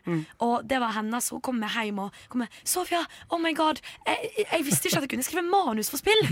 Og jeg er sånn, herregud, det er liksom Man glemmer at noen har faktisk så lite aning om spill at man hadde ønska at terskelen for å bruke det i undervisning, og i hvert fall tverrfaglig, var kanskje litt mindre, da. Og det, det er jo veldig flott å kunne få høre om dette nå, og skjønne at her er det noen som gjør noe riktig. Og Det er jo et fint poeng du nevner også, for en ting jeg prøver å gjøre med disse emnene, også, både bacheloremnene og masteremnene, er jo at vi driver jo ikke med spilldesignutdanning. Men spillbransjen trenger ikke bare spillutvikling. Mm, mm. Det er krav til historiefortelling, det er prosjektledelse, analyse, så all mulig slags forskning også, så man kan fint også gå inn i spillindustrien med en akademisk eh, bakgrunn. Så det er også en grunn til at jeg vil ha fokus på spillstudier. Eh, Ja. ikke, bare for, ikke bare for gøy, men at det også kan brukes videre hvis man faktisk har lyst til å bruke ja, universitetsutdannelsen sin også der, da. Utrolig spennende. Skjønner jeg er lei meg for at jeg går på framtidens barneskole. Altså, eh, hvis du nå sitter og lurer på hva du skal studere til høsten, så har du jo fått, et, eh, du har fått en grei pekepinn. Ja, absolutt. Og vi må jo spørre eh, til slutt, fordi eh, jeg tror vi alle kan være enige om at 2023 har vært litt av et år når det kommer til spill som har kommet ut. Eh, du har sikkert merka på som oss at det er mye å ta av. Eh, hva, hva har vært ditt på en måte, game of the year så langt i år? Skal vi se, skal jeg prøve å huske tilbake. Det er så lenge siden, vet du. Jeg begynner å bli gammel. Neida. Um, Resident Evil 4-remaken var i år, ikke sant? Ja, stemmer. Ja, det spiller jeg ganske mye. Det var veldig, veldig bra. Likte jeg, likte jeg veldig godt. Super Mario Wonder har jo vært eh, ganske morsomt nå. Men det jeg tror Altså, det, det blir Super Mario RPG-remaken. Ja, Den, den kommer jo snart, så men jeg har jo spilt Super Nintendo-versjonen, jeg vet jo hvor bra det er. Så jeg tror det kommer til å bli mitt uh, største favorittspill i året som har vært. Det var så uforventa. Så utrolig gøy. Det er kjempeuforventa. Jeg var klar for Tears of the Kingdom. Jeg. Som andre, Som alle andre. Å nei, jeez, jeg glemte Jo ja, men det var jo Breath of the Wild 2, så på en måte jeg har liksom Jeg har hatt den opplevelsen allerede, men det var altså kjempebra. Men det kan du se, jeg glemte det allerede, så, Ja, så, så, så Men jeg, jeg fikk alle Korok Seeds, så Herregud. Det var herlig. Nå vet jeg hvilke spill jeg skal putte på ønskelista mi til julenissen. Jeg har også et siste spørsmål. Hvis eh, det er et eh, stikkord, er det en liten sånn rah, du kan gi til den norske spillindustrien eh, for, som vil fremme ditt forskningsprosjekt, hva hadde det vært hvis du kunne gitt dem sånn ett tips? Sats på de skeive spillutviklerne. De har gode ideer, de ønsker å bidra med god og mangfoldig representasjon, som også gjør spill mer kulturelt oppdaterte og freshe og kule, og det er bare å vinne på. Og hvis folk har lyst til å delta på UiOs kanskje kuleste utdanningsprogram, hva skal de søke til, til høsten? Altså, først og fremst søk på hva du er mest interessert i sjøl, men kom gjerne til bedre kommunikasjon på UiO, så skal du få dø i Elden Ring sammen med resten av, resten av gjengen. Tusen hjertelig takk for at du kom på besøk. Takk for at jeg fikk komme. Om det er et spill som får deg til å føle deg sånn her Eller om det skal være et spill som får deg til å reagere slik. Så er sjansen stor for at du får høre om det her på Snort, Snop og Spill. Der hørte du kongefamilien med For mye å be om, som jeg tror er nøyaktig hva Shigeru Miyamoto sa til markedsansvarlig i Nintendo når han lurte på om de kunne få litt høyere budsjett for animasjonene i det neste Mario-spillet. Og apropos det neste Mario-spillet, Sander, du har spilt det! Ja, altså Vi hadde jo Joakim innom her uh, nettopp, Ja. som uh, sa at han hadde spilt Wonder. Det havnet nok ikke på hans uh, Altså, det ble nok ikke hans Game of the Year. Um, Oi, jeg hører noe hint. Eh, jeg, jeg, jeg sier ikke hva som blir mitt Game of the Year, for det vet jeg ikke helt uh, enda Men vi kan jo egentlig bare høre hva jeg har å si om Super Mario Wonder.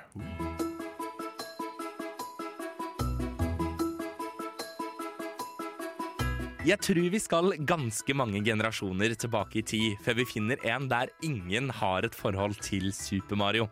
Ja, det finnes nok ingen spillkarakter i hele verden som er mer ikonisk enn den gombaknusende italienske rørleggeren. Og det gir jo for så vidt mening, det. For i løpet av de 40 årene som har gått siden han dukket opp for første gang, har Mario klart å bli den mest inntjenende spillfranchisen i hele verden. Og selv om vi finner Mario både i RPG-format, som sportsutøver, racerbilsjåfør og i 3D, er det nok 2D-plattformerne de aller fleste tenker på når man først skal karakterisere mannen med bart, rød lue og snekkerbukser. Noe som gjør at man blir litt perpleks når man tenker på at det er over ti år siden sist vi så Mario i en 2D-plattformer. Ja, helt fram til nå, da, selvfølgelig. For nå er han nok en gang på plass i et sideskrollende plattformeventyr. Og det må jeg få sagt om 40-åringen. Jeg tror aldri han har sett bedre ut enn det han gjør i Super Mario Bros. Wonder. Super Mario Bros. Wonder er både et forfriskende nytt og beroligende kjent spill. I kjernen er det et helt vanlig Mario-spill, der du hopper fra plattform til plattform, lander på fienders hoder og plukker opp power-ups. Alt på vei mot den siste kampen mot ondskapen selv, en rolle som som alltid fylles av Bowser. Men der stanser også likhetene til de klassiske spillene. Princess Peach har fått være helt i fred denne gangen, og vi legger også bak oss det sedvanlige Mushroom Kingdom til fordel for et nytt rike med blomster i fokus. Here we go! Mario og vennene hans er på besøk i det nærliggende Flower Kingdom, som regjeres av prins Florian. Et kongerike fylt til randen av Wonderflowers. Magiske blomster som presser virkelighetens grenser og gir eieren ja, magiske egenskaper. Vi rekker knapt nok å hilse på Florian før Bowser dukker opp, forsyner seg grovt med disse blomstene, og dermed må Mario ut på jakt etter Wonder Seeds, som leder oss til større Royal Seeds. Begge elementære deler av planen om å bekjempe Bowser. Det er et godt grep av Nintendo å lede oss til et nytt rike, fordi det skaper en forventning om at alt kan skje. Og i Mario Wonder kan virkelig alt skje. For selv om oppsettet i det store og det hele minner om de aller fleste Mario-spill, snus dette bildet på hodet idet du plukker opp en Wonderflower, og utviklernes kreativitet får sitte i førersetet. For Nintendo de har gjort enda et genialt grep. De har tatt en råsjans og latt legenden Takashi Tezuka og resten av utviklerteamet jobbe i fire år, helt uten deadlines og med frie tøyler. Noe som ifølge IGN resulterte i at de hadde over 2000 ideer på blokka, før de plukket ut de aller beste og implementerte disse i spillet. Dette gjør at det som på overflaten virker som en helt vanlig plattformer, plutselig blir noe helt annet når du plukker opp en Wonderflower og verden i løpet av kort tid blir omgjort til musikalnumre med syngende pirayaplanter, stealth-oppdrag og baner der Mario selv blir en gomba, for å nevne noen ytterst få. Og det er ikke bare de magiske blomstene som viser fram kreativiteten i spillet. Det er også nye power-ups på menyen. Den vanlige ildblomsten kjenner nok de aller fleste av oss fra før. Men den får godt selskap denne gangen, med en drillhatt som gir deg muligheten til å grave deg ned i bakken, en boble som gir deg muligheten til å fange fiendene i en såpeboble, og kanskje det flest har bemerket seg på nettet, muligheten til å gjøres om til en stor elefant. Alt dette bidrar til å gjøre Mario-opplevelsen drastisk annerledes enn den vi fikk servert i Mario-emulatoren på 1-2-3-spill. Det gjør det rett og slett forfriskende nytt. Spillet introduserer også badges, ulike medaljer du låser opp i løpet av spillet, som alle kommer med sin helt egen kraft. Enten det er muligheten til å hoppe ekstra høyt, en sensor som gjør at du lettere kan oppdage alle banenes hemmeligheter, eller evnen til å bruke lua di som en fallskjerm. Før hver eneste bane velger du én av disse medaljene, noe som gjør at du kan oppleve de samme banene om og om og om igjen med forskjellige medaljer, og som gjør at du praktisk talt aldri går lei. Og For å bidra til denne variasjonen står ikke valget denne gangen mellom Mario og Luigi, men hele elleve forskjellige venner som alle stort sett har de samme egenskapene, med unntak av et annet utseende og stemme. Noen skiller seg fortsatt ut, sånn som Yoshi, som hopper litt høyere, og som sammen med Nabbit ikke tar skade, men som heller ikke plukker opp power-ups. Egenskaper som definitivt er lagt inn for å gjøre spillet enda litt mer tilgjengelig for yngre spillere. Tilgjengeligheten styrkes også ved at banene denne gangen oppgir vanskelighetsgraden, og at spillet gjøres mindre lineært enn tidligere. Du skal i løpet av spillet gjennom totalt sju verdener, som alle er fylt med ulike baner der du selv velger rekkefølgen du ønsker å løse oppgavene i. Noe som gjør at du faktisk kan gi litt opp på en bane, spille et par andre, og så komme tilbake litt seinere. Selv om mye er forskjellig i Super Mario Bros. Wonder, er det også noen ting som er akkurat som de pleier å være. Den ikoniske komponisten Koji Kondo er nok en gang tilbake, og sammen med en drøss andre dyktige komponister sørger de for at Mario-verden, og for øvrig denne anmeldelsen, høres ut som den skal. Eller det vil si med ett viktig unntak. For for første gang på over 30 år er det ikke Charles Martinet som har lånt bort den ikoniske stemmen sin til alles favorittrørlegger. Heldigvis har ikke Nintendo erstattet han med Chris Pratt, som de gjorde i Mario-filmen tidligere i år, men det er Kevin Afghani som har tatt plass foran mikrofonen og levert de ikoniske replikkene. En jobb han gjør på eksemplarisk vis. For det er ingen tvil om at det fortsatt er Mario som er på plass. Let's go!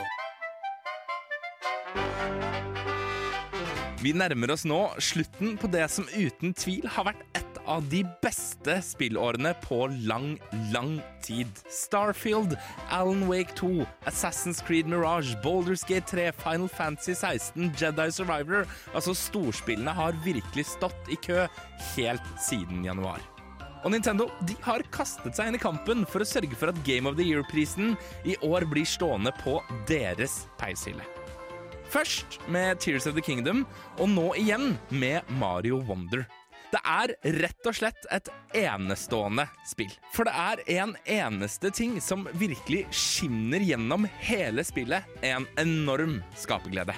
Det er bare for alle andre studioer å ta fram notatblokka.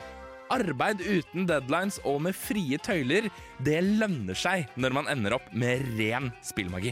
Super Mario Bros. Wonder er det beste Mario-spillet Nei, vet du hva, stryk det. Det er den beste 2D-plattformeren jeg noen gang har spilt. Og det er kanskje ikke overraskende at det får 100 av 100 troikabarer. Fordi det er rett og slett helt perfekt.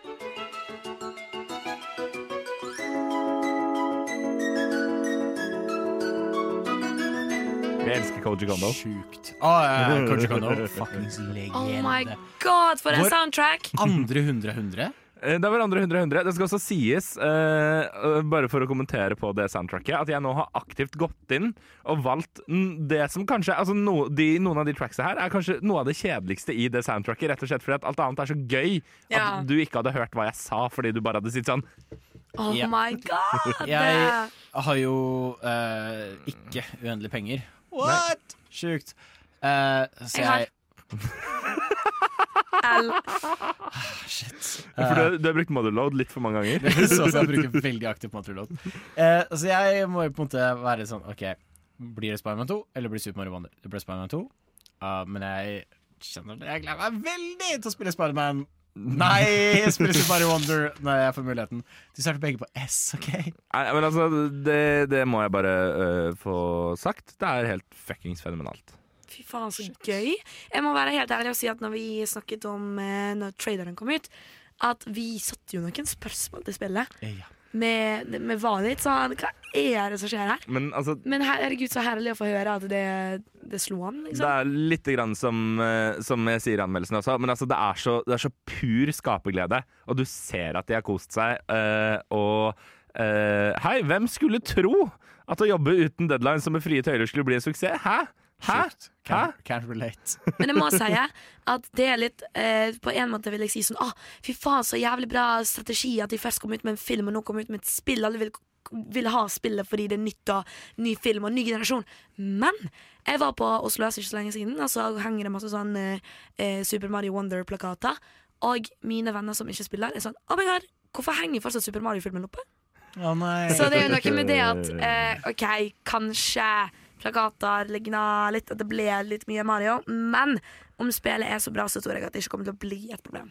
Nei, altså, det, hva var det eh, Jeg leste her eh, tidligere i uka at det har blitt det mest stolte Mario-spillet eh, noensinne, i hvert fall i løpet Nei! av tiden. Nei! Oh my god! Jeg tror Mm. jeg solgte 2,5 millioner på sånn. Riktig. Nei, det var Spiderman. Det- det solgte en del millioner. På to uker. Ja. Så det er ganske sjukt. Eh, sterk anbefaling. Skriv det på ønskelista med en eneste gang. Å blande snort, snop og spill? Eh, det vet jeg ikke helt om kommer til å fungere. Hva tenker du, Todd Howard? All of this just works. I'm not kidding. Stian, Sofia, jeg må meddele dette. Eh, det har endelig skjedd. Internett har faen holdt på å spekulere seg i hjel det siste året. Kan jeg- Nå Kan jeg sette en litt Nå. artig scene på dette? Ja. På onsdag eh, la Jason Schreier seg på kontoret mitt. Jason Schreier, Schreier uh, legger ut på uh, Twitter eh, X. at eh, Følg med nå! Eh, nå har jeg fått ganske reliable sources som forteller meg at i desember kommer vi få en trailer på GTA 6. Alle kommentarer var sånn eh, Du er dum. Dust. Eh, og så går det sånn halvt halvtime eller noe. Så er det sånn, kommer Rockstar. Og hva legger de ut, Sander? Eh, de annonserer det som altså, jeg og Stian sendte samtidig i internchatten til Snart på spill. GTA 6 får en trailer i desember. Wow! Det er helt sjukt. GTA 5 er jo det, uh, det mest solgte enkeltspillet fuckings ever. Det mest inntjenede. Men det er sånn ærlig, er det GTA Hvis du kjenner GTA, så kjenner du til GTA 5. Det er sånn Hvis du, hvis, Ja, nei, ja, hvis, du, hvis du er- vet hva dataspill er, så vet Ja. du hva GTA er, liksom. Ja, men generelt GTA 5 Generelt liksom Femmeren er veldig kjent Både coveret og liksom Folk Mm. sier GTA 5 hele tiden Ikke bare, yeah. sånn, ikke bare GTA Men jeg hører alltid femmeren med Mm. Dette har jo vært pågått i mange år. Eh, Rockstar har jo gått ut og sagt at sånn, det er umulig å lage satire, for vi lever i en satireverden. Mm. Eh, vi har ingen idé hva vi skal lage neste spill om. Så fikk vi se disse prototype development, eh, bla, bla, bla. Og nå Graphics are the first things finished in games. Ja. Og nå skal vi få trailer i desember. Vi tør vel å prøve å gjette, siden det skal være tidlig i desember. Kanskje på Game Awards, dere? Mm, potensielt. Og apropos, apropos faktisk, Oi. Game Awards. Um, uh, Jeff Keeley eh, sin Det er det han heter. Nå fikk jeg plutselig helt sjokk her. Uh, har sin Game Awards-sending. Den dekker vi uh, Lev her fra Radio Nova. Når er dato, Stian? Det er egentlig 7. desember. Men tidssoner eksisterer. Så Så det natt til 8. desember, da. Ja. Midt på natta der. Midt på natta der skal vi sende live her på Radio Nova. Følg med, du får live-reaksjoner. Vi kommer til å holde på i alle timene det foregår. Forrige gang lå jeg på gulvet og gråt. Mm. Sander eh, skreik så han vekket hele Majorstua. Mm. Jeg gleder meg til å delta i dette. Får vi se GTA 6 også. Og i tillegg, eh, følg oss på sosiale medier, så kan du også stemme på vår egen, som også på Spill Game Awards. Som skjer. Mer, mer datoting kommer. Mer datating kommer, men det skjer i desember. Et snart snop og spill på både Instagram og Twitch. Yes. Men vote! Vi har linken vår i bio på Instagram. ikke gjør sånn som med, Mobvote. Nei. Her kan du stemme. Ja, ikke boikott, uh, vær så snill. Please. Jeg orker ikke. Da må vi gjøre alt researchet selv. Sånn. Oh. Ja, nei, æsj. Løye!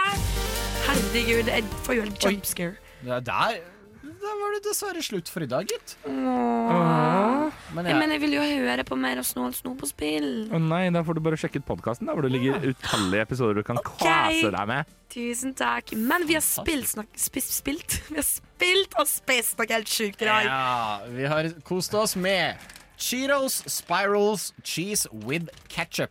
Hva Eh, putter vi det på? Og jeg, jeg, altså, jeg har jo spist to boller av dette, og jeg elsker det. Vi har fallet veldig lite igjen. Jeg føler vi aldri har spist opp Her noe så fort. Her føler jeg at jeg er litt mindretall. Jeg er sånn kanskje en C? Nei, nei, nei. Jeg er på B. B. I hvert fall. Ja. Greit, jeg kan gå opp på en B. Det er greit. Eh, hva, Det er ikke direkte vondt. Men hva med dette spylevæskefaenskapet? Ja. CNC Quality Product since 1865. Største løgnen jeg har hørt. Altså, de kunne blitt igjen i 1800-tallet, altså. Genuint F. Ingen av oss. Og det er tror jeg første gang i historien at ingen av oss har drukket opp. Nei, altså, jeg har Og vi jo har hatt flytta min mye drit å drikke. ja. Koppen min har Cheetos oppi. Det ser helt ræva ut. Sofie har lagd verdens verste vitenskapseksperiment, som du også kan se eh, på Instagrammen vår om ikke så altfor lenge. Vi lover. Yes. Ja, tusen takk til Joakim som kom på besøk. Det var utrolig hyggelig. Shout-out! Svær shout-out. Så ses vi Jeg er igjen misunnelig på eh, om to uker. Ja. Ha det. Ha det bra. Gleder dere. Nå, kan dere få, nå må dere to underholde litt mens jeg bare ordner dette. Dere kan lage pod-utro. Det kommer en dag Nei, det, kom, det kommer en pod I morgen. Du må tro og håpe at i dag får du pod.